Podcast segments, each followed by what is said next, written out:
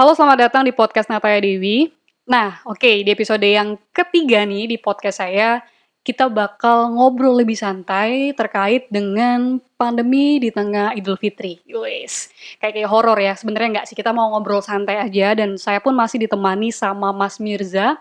Uh, kita bakal ngobrol gimana sih persiapan secara psikologisnya untuk menghadapi Idul Fitri di tengah pandemi. Nah, untuk itu mungkin langsung aja ya, kita langsung seperti biasa nyapa dulu Mas Mirza. Oh ya, sebelumnya mohon maaf nih kalau nanti di tengah pembicaraan kok banyak backsound backsound yang berbunyi seruputan begitu. Itu karena kita memang bikin podcastnya setelah buka puasa ya. Oke, jadi langsung uh, saya sapa dulu Mas Mirza seperti biasa. Halo Mas Mirza, apa kabar? Halo, Alhamdulillah baik dan seperti biasa terus baik dan harus baik mas ya. harus baik. Gitu. Oke, karena ini juga nah. bulan puasa udah mau berakhir nih mas gitu kan, jadi harus yeah. selalu baik ya. Yeah. Oke, mas, uh, uh. jadi kan kita mau ngobrol nih mas. Tadi hmm. sebenarnya saya udah bilang sih di intro mau ngebahas tentang hmm, pandemi di tengah hmm. Idul Fitri mas ya. Yes. Seperti kita tahu lah, uh -uh. mungkin nggak cuma di Indonesia, tapi semua umat Muslim di dunia ya, bahwa beberapa hari ke depan nih kita bakal uh, apa ngerayain hari besar yaitu hmm. Idul Fitri ya Mas ya. Yes. Nah, cuman ada yang berbeda nih Mas di tahun ini sama tahun-tahun sebelumnya di mana hmm. kalau tahun-tahun sebelumnya mungkin hamin satu minggu nih budayanya kita orang Indonesia kan sudah hmm. prepare hmm. mudik gitu kan ya Mas ya pulang kampung lah ibaratnya. Hmm. Nah, Cuman di tahun ini boro-boro nih mas buat pulang kampung dan silaturahmi bahkan cipika-cipiki ini aja kita mau keluar keluar rumah kita aja kita susah nih karena memang lagi ada pandemi nih mas. Nah hmm. uh, oke lah kita mungkin sudah satu dua bulan ya Mas ya uh, ngalamin kehidupan yang seperti ini artinya di tengah pandemi. Nah kira-kira Mas karena ini suatu hmm. momen ya menurut saya momen yang cukup besar bagi umat hmm. Muslim. Yes. Sebenarnya ada nggak sih Mas atau hal apa sih yang perlu kita siapin secara psikologis, secara hmm. psikis kita untuk hadapin yeah. Idul Fitri ini Mas? Okay. Sambil minum boleh loh Mas. Oh gitu ya. Iya. okay. Jadi okay. gini, apa namanya? Eh, menarik sekali judulnya eh, pandemi di tengah Idul Fitri. Uh, Padahal uh, berapa hari ke depan baru Idul Fitrinya. Cuman iya. udah nggak nggak nggak nggak apa namanya nggak sebulan lagi dua bulan Enggak, lagi Idul Fitri. Ya, Cuman tinggal, tinggal beberapa hari, hari lah, uh. gitu kan. Nah, uh, momen Idul Fitri, oke okay, menarik. Jadi -hmm. gini, uh, mungkin kawan-kawan uh, Muslim bukan hanya di Indonesia tapi di seluruh dunia ya. Seluruh dunia. -hmm itu juga akan merayakan kemenangan. Oke, okay, betul banget. Jelas. Mas. Secara spiritual 30 hari digembleng begitu dengan puasa, oh. dengan menahan apa namanya uh, hawa nafsu makan dan lain sebagainya agar lebih bersabar. Kemudian ada satu momen di mana uh, hari raya Idul Fitri itu menjadi apa ya istilahnya?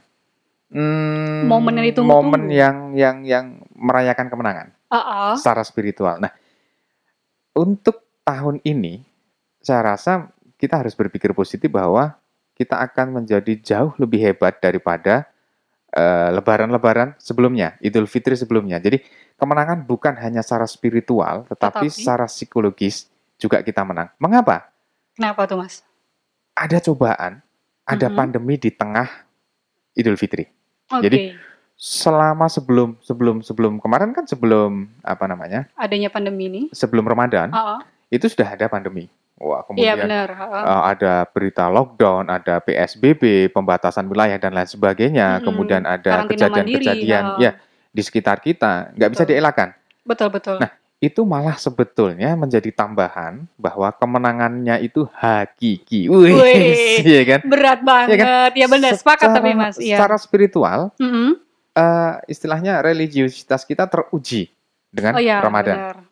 Secara psikologis setidaknya atau semestinya atau bahkan seharusnya mm-hmm. kita menang bahwa kita melewati apa namanya hari demi hari di tengah pandemi ini kemudian berbarengan dengan momen Idul Fitri saya, saya rasa kita menjadi orang-orang yang sangat hebat secara mm-hmm. secara religius maupun secara psikologis karena apa tempaan orang buka puasa harusnya enak setelah makan setelah minum mikir lagi tetangga kita ada yang mengalami apa namanya pandemi ini, uh, pandemi ya? ini enggak ya. efeknya? Terus besok saya makan bagaimana bekerja bagaimana? Itu saya kira tekanan yang cukup hebat di tengah Ramadan ini. Jadi mm-hmm. cobaan ini akan membuat kita jauh lebih lebih lebih keren lah lebih gitu strong lah. ya mas ya? Lebih strong gitu. Iya. Nah jadi mas uh, kalau semisal ya tadi kan sudah dikat, sudah dikatakan ih, kayak bahasa dulu banget ya Mas. Tadi kan Mas Mirza udah, hmm. udah nyampe ini kalau yes. seharusnya kita menemukan kemenangan itu tadi ya yeah. secara yeah. spiritual ataupun secara psikologis yeah. gitu kan. Yeah. Nah, cuman Mas uh, balik lagi sedikit ya Mas ya kan uh, memang tadi Mas Mirza juga bilang bahwa uh, apa ya? Saya nggak bisa bilang cerita bahwa hmm. uh, pandemi ini kan sudah ada sebelum adanya uh, puasa ya bahasanya yeah, sebelum kan, Ramadan. Sebelum, ah, sebelum Ramadan. Hmm. Nah, kita tuh kan udah kayak yang di terpa terus mungkin ya bahasanya dengan iya. berita-berita yang yes. apa ya mungkin kayak tiap hari dipapar gitu ya bahasanya yes. dipapar dijejelin berita ini ha. berita yang terkait pandemi otomatis ya. hmm. ya. Nah, uh, mau nanya Mas, sebenarnya ketika berita itu terus meruntut sampai hari ini nih yang gitu kan hmm. masih masih update terus kan beritanya. Yeah. Yeah. Itu akan berdampak nggak sih Mas uh, apa ya berdampak ke psikis kita maksudnya kayak ngalamin akhirnya tertekan, stres kayak gitu mungkin banget nggak sih Mas? Jelas sekali karena begini. -hmm uh, pandemi ini datang, mm-hmm. kemudian uh, secara hampir apa ya, hampir bisa dikatakan ini tiba-tiba, mm, betul tidak banget. pernah ada pengalaman sebelumnya, mm-hmm. kemudian hadir di tengah kita. Kita ada di salah satu wilayah yang terkena pandemi. Mm-hmm. Istilahnya siap nggak siap ya harus hidup kan gitu kan. Iya. Jadi awalnya adalah ada peristiwa-peristiwa contoh kejadian-kejadian psikologis ya, apa namanya uh, panic buying. Ah, ha, ha. Semua dibeli gitu kan. Mm -hmm, betul. Dari masker pelindung apa namanya? debu uh sampai ada satu kejadian masker untuk uh, tukang kayu aja dibeli gitu. diborong gitu. ya saking paniknya bener bener bener supermarket semua bahan makanan habis uh -uh. vitamin habis bahkan karena nggak ada APD akhirnya hmm. pakai mantol itu ya yang yeah. di plastik itu kan uh -uh. kepanikan itu ada okay. di sekitar kita dan diakui atau tidak, saya juga panik. Oke. Okay. Karena apa? Memang ada satu kejadian satu sore saya nyari -hmm. vitamin. Saya nyari vitamin di apotek nggak ada, kosong kosong dan di apotek pun sudah sangat simpel tulisannya. Untuk vitamin ini habis, untuk masker habis. Karena mungkin saking ya. sebelnya kali ya daripada saya sampai, kali orang itu, nanya. Ya, saya sampai bercanda kalau mm -hmm. vitamin C ini habis, mungkin nggak ya? Saya nanam apa namanya buah jeruk gitu pohon jeruk. Terus saya nanam pohon apel. Ya. cuman saya khawatir Ha-ha. pandemi ini selesai jeruknya belum berbuah. Ah, benar. jadi saya nggak bisa konsumsi. Terus beda lagi cerita nah, ya. makanya kan mm-hmm. ada pemikiran-pemikiran tekanan-tekanan aduh kepanikan. Sedikit kepanikan bahwa aduh saya nggak bisa minum vitamin gimana ya? Padahal anjuran dari pemerintah dari teman-teman bahwa mm-hmm. harus jaga kesehatan minum vitamin. Minum dari mana orang vitaminnya nggak ada gitu ya? Pasti itu ada sedikit apa namanya tekanan lah. Tetapi nggak okay. sampai terjadi stres. Oke, kemudian mm -hmm. selain panik buying, akhirnya kita juga mengalami kecemasan. Sampai kapan ini akan berakhir? Berita mulai simpang siur. Banyaknya pertanyaan akhirnya, maksudnya ya, di, di iya. pemikiran kita sendiri gitu betul. kan? Betul. Hmm. Ada nanti pertanggal ini sudah selesai Ternyata belum. Iya, katanya ada katanya kan gitu ya, ada berita Bingung yang sempat beredar, betul. Saking bingungnya mencari apa namanya? mencari informasi, nyari hmm. informasi dari berita luar negeri. Yang iya. diharapkan yeah. kita mendapatkan ketenangan, dapat jawaban, dapat jawaban. buka jurnal di Google cari ternyata pandemi tidak akan berakhir stres lagi oke okay. nyari lagi uh. itu fenomena yang yang yang mungkin dialami orang-orang pada iya, umumnya maksudnya itu kondisi yang real saat ini uh, kan yang terjadi. Nyari lagi. Mungkin di Google nggak bisa nyari di Yahoo. Iya. Kurang puas gitu kan? Nyari uh. di Yahoo. Wah tentang pandemi situasi seperti ini. Uh -uh. penelitian dari universitas besar di dunia kemudian muncul di situ. Ada beberapa tokoh mengatakan oh, penelitian. langsung dicari, ini akan kan? berakhir pada bulan A ketika masyarakat begini pada bulan B bingung lagi. Itu negara itu. Iya benar. Ini di Indonesia mm -hmm. akhirnya apa sampai detik ini lebih dari 40 hari mungkin ya sudah hampir dua bulan sih mas hampir dua bulan ya, oh. ya kita mengalami situasi ini kondisi masyarakat pada umumnya kondisi mm -hmm. psikologisnya mulai tertata ada homeostatisnya itu berarti kalau homeostatis itu memang uh, secara manusiawi ya Mas ya, iya, tertata ya, dengan sendirinya. Secara psikologis, uh -uh. manusia terdidik untuk mencari keseimbangan. Karena udah kepapar berhari-hari sama situasi kayak gini ya. Iya, tetapi keseimbangan itu nggak semudah yang kita bicarakan, langsung berubah, enggak. Tetapi bertahap. Ada fase pencarian, okay. mencari informasi positif tidak mendapatkan, ada kecemasan. Kemudian efek positifnya adalah mm -hmm. ada apa Sambil ya? minum ya, Mas? Sama, saya juga minum dulu bentar. Ah, ikan dikit ya. Eman-eman teh ini. Mm -mm, mas, mumpung masih anget nih tehnya. Ah, udah saya telan dulu satu Lanjut, menit. Mas. Oke, nah. Mm -hmm. uh, pencarian informasi itu efek negatifnya -hmm. itu membuat stres, membuat cemas, okay. bingung gitu kan. -hmm. Sampai mungkin bisa ada yang depresi. Tetapi efek positifnya apa? Akhirnya ada ketahanan secara psikologis. -hmm. Oke deh.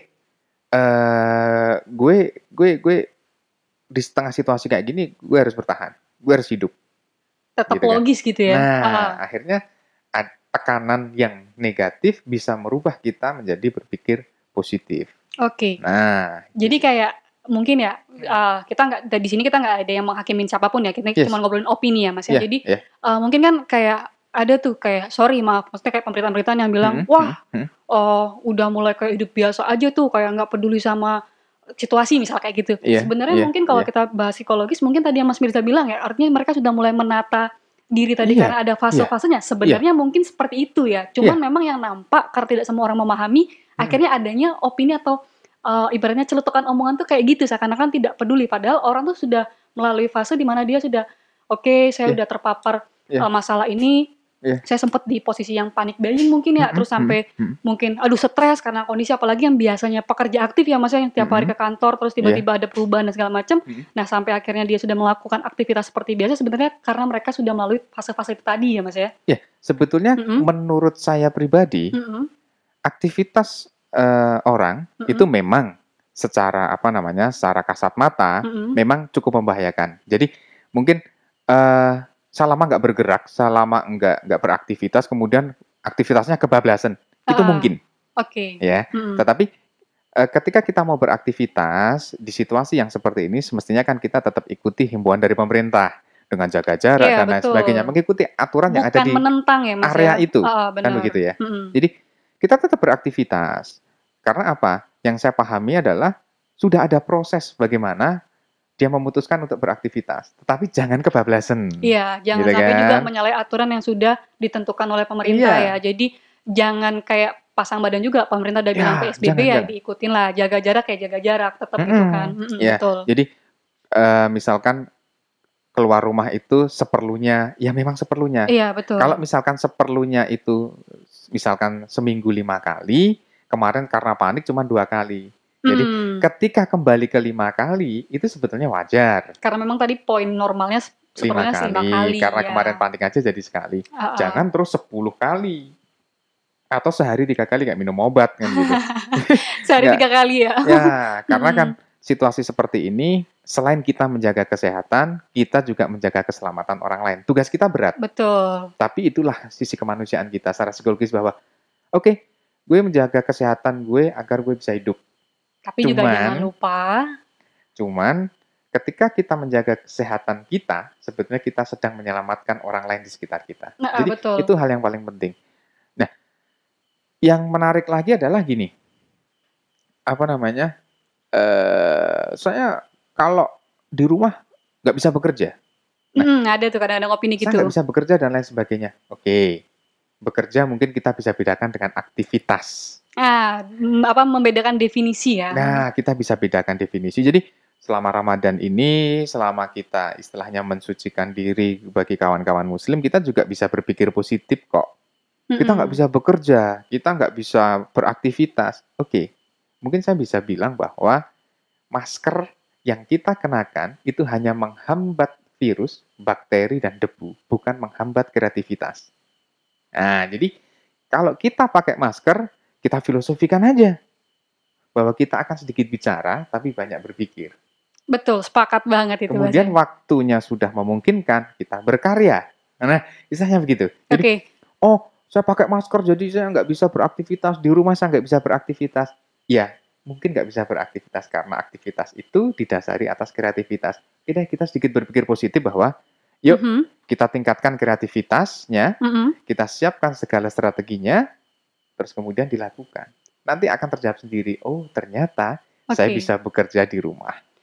Jadi ibaratnya kalau semisal tipikal orangnya itu adalah biasanya pekerja mungkin jangan jadikan alasan ya masa dengan adanya pandemi ini nggak bisa ngapa-ngapain mungkin bisa yeah. kasarnya itu kayak ngonsep lah ibaratnya gitu kan yeah. ngelakuin yeah. hal-hal yang sangat memungkinkan untuk dilakukan aktivitas di rumah gitu kan jadi yeah. Yeah. dan tadi uh, sepakat omongnya Mas Mirza tadi uh, terkait dengan ketika kita menyelamatkan diri sendiri sebenarnya kita juga sedang menyelamatkan orang uh, lain gitu kan di sekitar kita. Iya, sepakat. Sepakatnya kenapa? Karena gini loh, uh, kita berhak untuk hidup. Artinya orang lain juga berhak dong untuk merasakan juga hidup yang sama gitu. Jadi, yeah, uh, yeah. ya benar. Kalau saya pribadi itu kayak beropini jangan egois lah. Maksudnya, oke okay, kita setiap orang pasti yeah. punya kepentingan dong. Yeah, uh, yeah. Kalau kita ngomong kita paling penting, kayak saya rasa semua orang kan juga beranggapan jadi seperti itu dan, dan akhirnya mm -hmm. jadi egois ya mas ya. Yeah. Makanya jadi kayak dengan adanya pandemi itu juga sebenarnya ngajak kita lebih tadi kayak poin pertama seperti saya bilang hmm. uh, mempersiapkan diri secara psikologis dan religiulitas. Allah kebelit. Religiulitas. Aduh kebelit ngomongnya. Ya artinya soal keagamaan saya takut salah juga ngomongnya. Jadi uh, sebenarnya dengan adanya pandemi ini benar-benar ngebuat kita seharusnya semakin erat persaudaraannya mas ya. Iya sebetulnya gini, gini. Iya kan? ini agak agak sedikit bercanda. Mm -hmm. Dulu, boleh boleh. sebelum ada pandemi mm -hmm orang di sekitar nggak diperhatikan. Ah. Di WA terus-terusan. Jangan kalau sekitar orang satu rumah mungkin nah, bisa jadi, ya. Orang di sekitar dicuekin. Hmm. Nah sekarang buktiin deh bahwa WA terus kemudian aplikasi yang lain, aplikasi yang lain-lain dan lain sebagainya itu bisa dimanfaatkan. Untuk apa? Telepon temen. Berkomunikasi nih, gitu ya kan? Nah, bener banget. emoticon. Bener, bener, bener. Itu bisa kok dulu sering WA, sering telepon. Kok sekarang suruh, komplain? Ya, suruh silaturahmi aja besok-besok, semua WA. Sekarang buktiin deh bahwa maksimalkan WA, maksimalkan media komunikasi apa pun untuk hal-hal yang positif. Selesai. Betul banget. Kan begitu. A -a -a. Cuman yang gini, ketika tadi balik ke temanya adalah pandemi di tengah Idul Fitri, ini mm -hmm. yang jadi kadang sedikit apa? Uh, sedikit kebingungan, kecemasan atau apa? Karena gini, kita nggak bisa balik ketemu orang tua. Iya betul mas. Yang biasanya kan itu udah jadi apa ya yes. tradisi semua anak rantau mungkin ya yeah. yang nggak satu rumah tuh bakal balik dan ya itu tadi budayanya yang, yang apa uh. saya bilang tadi di depan maksudnya uh. budayanya orang Indonesia itu kan hamin seminggu tuh udah prepare udah pulang balik. kampung gitu loh yeah. mas karena nah, contoh itu. di di di Pulau Jawa khususnya ya mm -hmm. di, mm-hmm. di Jawa Tengah lah gitu yeah. uh, tradisi yang seperti itu di Jawa sangat sangat kental iya kerasa Misalkan, banget mas ya. contoh, ya ada nyadran, waduh saya nggak bisa nyadran tahun ini, ya, ada bener. kepanikan dan lain sebagainya. Kemudian mungkin kepanikan itu kan bukan hanya kita, tapi orang tua kita yang ada di di, di rumah. Hmm, gitu. Benar, benar. Anakku nggak balik, gitu kan? Semua ya, semua, semua. orang sebenarnya kalau dibilang cemas tuh kan. Nah, terus kemudian kapan balik? Si anak menjawab, hmm. ibu, bapak, saya nggak bisa balik. Betul. Karena ABCDEFG. Situasi. Nah, ibu kita, orang tua kita pun juga mengalami kecemasan. Aduh, kebiasaan yang bertahun-tahun saya ketemu ah, anak uh, saya setiap lebaran gitu kan. Lebaran. Uh, setiap lebaran ada anak pulang gitu kan, yeah. terus uh, ya cipika-cipiki, terus nah, silaturahmi orang gitu kan. Orang tua akan menganggap hmm. lebaran plus liburan. Betul, betul banget mas. Kan, gitu Apalagi kan? kalau yang sudah punya anak, artinya uh, pengen ketemu cucu, ah, ketemu cucu itu kan benar-benar jadi situasi apa ya? Orang tua itu juga mengalami kecemasan juga. Aduh, hmm. ada kebiasaan baru yang apa berbeda. Berbeda. Ah, benar. Tetapi ini akan merubah kebiasaan semua kalangan, semua mm -hmm. usia untuk istilahnya kita jauh lebih baik. Satu bersabar, terbiasa menunggu bahwa kebiasaan berubah itu hal yang lumrah, hal yang biasa. Betul. Nah, sebetulnya kalau kita berpikir positif, eh, pandemi di tengah Idul Fitri itu betul seperti yang saya sampaikan tadi. Mm -hmm. Jadi uh, selain kemenangan secara religius, spiritual kita terdidik, psikologi kita juga teruji. Betul, betul. Kan gitu. Betul banget. Jadi, istilahnya mau nggak mau, sepakat nggak sepakat, suka nggak suka, kita itu sedang diuji. Betul. Semua ini. Ah, betul banget. Contoh gini, seorang seniman nih, uh ketika dia nggak bisa apa mm -hmm. namanya nggak bisa berkarya di tengah okay. pandemi, ah, gue nggak bisa berkarya, gue nggak bisa nyiptain lagu, gue nggak bisa gini gini gini gini gini nggak biasanya manggung gitu kan? Uh. Kalau memang dia seniman hebat, dia pasti bisa berkarya. Dan itu sudah ditunjukkan musisi-musisi di Jakarta. Sudah banyak. Sudah banyak uh. dia ah. melakukan banyak hal begitu kan. Saya nggak bisa bekerja. Oh, mungkin saya kurang kreatif. Kalau orang bisa bekerja, betul. Setidaknya saya bisa melakukan banyak hal. Jadi jangan selalu menyalahkan situasi dan kondisi, tapi coba hmm. introspeksi juga diri sendiri ya, Mas ya. Nah, betul. Uh -uh. Jadi segala sesuatu pasti ada plus minusnya. Pasti itu, ya. pasti banget. Sepakat. Tetapi setidaknya aturan yang ada di sekitar kita, kemudian himbauan-himbauan di sekitar kita, udah deh kita patuhi, gitu kan? Uh, uh, benar. Jadi ketika itu dipatuhi, setidaknya cukup membantu uh, kehidupan kita. Oke. Okay. Mungkin kalau kita nggak bisa bekerja, mungkin kita kurang kreatif, Kalau mungkin kita nggak bisa bekerja A, B, C, D, F, G, apa pusing, aduh di rumah stres, mungkin kita belum terbiasa. Mungkin berpikir positif akan jauh lebih lebih membantu bahkan memudahkan uh, kita di aktivitas sehari-hari di tengah pandemi ini. Oke. Okay. Itu sih. Oke okay deh. Nah, jadi uh, itu sih obrolan kita tentang uh, gimana sih ngadepin pandemi di tengah Idul Fitri gitu kan. Ya, jadi bisa diambil poinnya bahwa oke okay lah mungkin karena kita sudah terbiasa terpapar, kita juga sudah uh, mulai menyetabilkan keadaan ya antara keadaan luar dengan kehidupan kita dan juga yang terpenting adalah jangan lupa untuk mempersiapkan secara psikologis dan tadi uh, tadi ada yang Mas uh, sorry Mas Mirza bilang bahwa Lebaran tahun ini tuh adalah Lebaran yang spesial. Kenapa? Karena nggak cuma hari rayanya aja menjadi sebuah kemenangan, tapi juga menjadi kemenangan secara spiritual. Karena kita sudah melawan adanya tadi kehidupan yang berbeda, Lebaran yang berbeda karena adanya pandemi ini. Oke, mungkin itu aja. Terus Oh ya, salam juga ya buat semua keluarga mungkin yang mendengarkan ya Mas ya di uh, di podcast kita gitu kan. Dan uh, oh ya buat teman-teman, oke okay, sebelumnya sorry, buat Mas Mirza mungkin ada juga nih uh, pesan yang mau disampaikan Mas di podcast ini. Uh, untuk pesan-pesan gini, uh, beberapa hari lagi kita akan uh, apa namanya berhadapan dengan sebuah kemenangan. Berhadapan ya. Ya, berhadapan oh. dengan sebuah kemenangan uh, untuk kawan-kawan Muslim istilahnya kita mengalami apa akan akan merayakan kemenangan secara spiritual. Mm -hmm. Begitu selamat buat kawan-kawan Muslim karena kemenangan itu bukan hanya spiritual tapi secara psikologis, Betul. kemudian secara ekonomi dan lain sebagainya itu perlu dirayakan semeriah mungkin secara uh, istilahnya secara spiritual. Kan Mungkin kalau boleh teriak merdeka gitu ya mas ya. Merdeka betul. Bener kan? Gak cuma 17 Agustus ya, doang Tidak loh. perlu uh, kita harus keluar rumah terus salto. Nggak perlu. Uh. Split begitu, kemudian kayang begitu nggak perlu.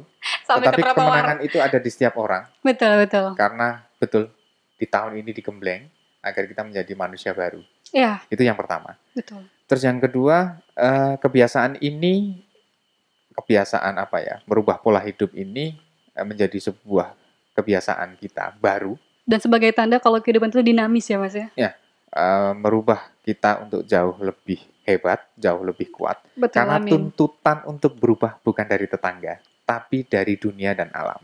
Betul, Jadi, betul banget. Kita mesti bersyukur, bahasanya ebit itu kan kita mesti bersyukur bahwa kita masih diberi waktu. Wih, nggak nyanyi sekalian. Enggak, karena nggak ada ketipung sama suling gitu kan. Takut fals juga ya mas. Takut fals juga. Nah, uh -huh. jadi uh, jadi selamat buat uh, kawan-kawan Muslim bahwa kemenangan ini adalah kemenangan yang yang hakiki mas. Yang hakiki Betul, tadi itu. Hakiki. Yang menjadi sejarah buat setiap orang. Semua Dan, umat ya. Ya kembali kita masih diberi waktu bukan untuk bersuara saja, mm-hmm. tetapi kita untuk berkarya dengan apa pun yang ada di sekitar kita bahwa yakin kita itu menang. Tuntutan ini kembali lagi tuntutan untuk berubah bukan dari tetangga, bukan dari orang tua, tapi tuntutan ini datang dari dunia. Dan kita buktikan bahwa kita orang-orang yang hebat dan masih layak untuk menghirup udara segar. Terima kasih. Oke, okay, thank you banget Mas Mirza yes. buat ngobrol-ngobrolnya nih, sungguh okay. berfaedah. Oke, okay. jadi ya buat teman-teman juga kita gimana ya? Saya harus ngomong bahwa ayo semangat dong. Ini nggak kalian sendirian kok. Semua menghadapi ini dan saya rasa ketika kita memang punya tenggang rasa yang baik dan solidaritas yang baik, semua akan segera selesai dengan cepat. Dan sekali lagi saya ngucapin uh, sebelum nanti podcast ini berakhir, saya ngucapin sekali lagi ya saya sama Mas Mirza.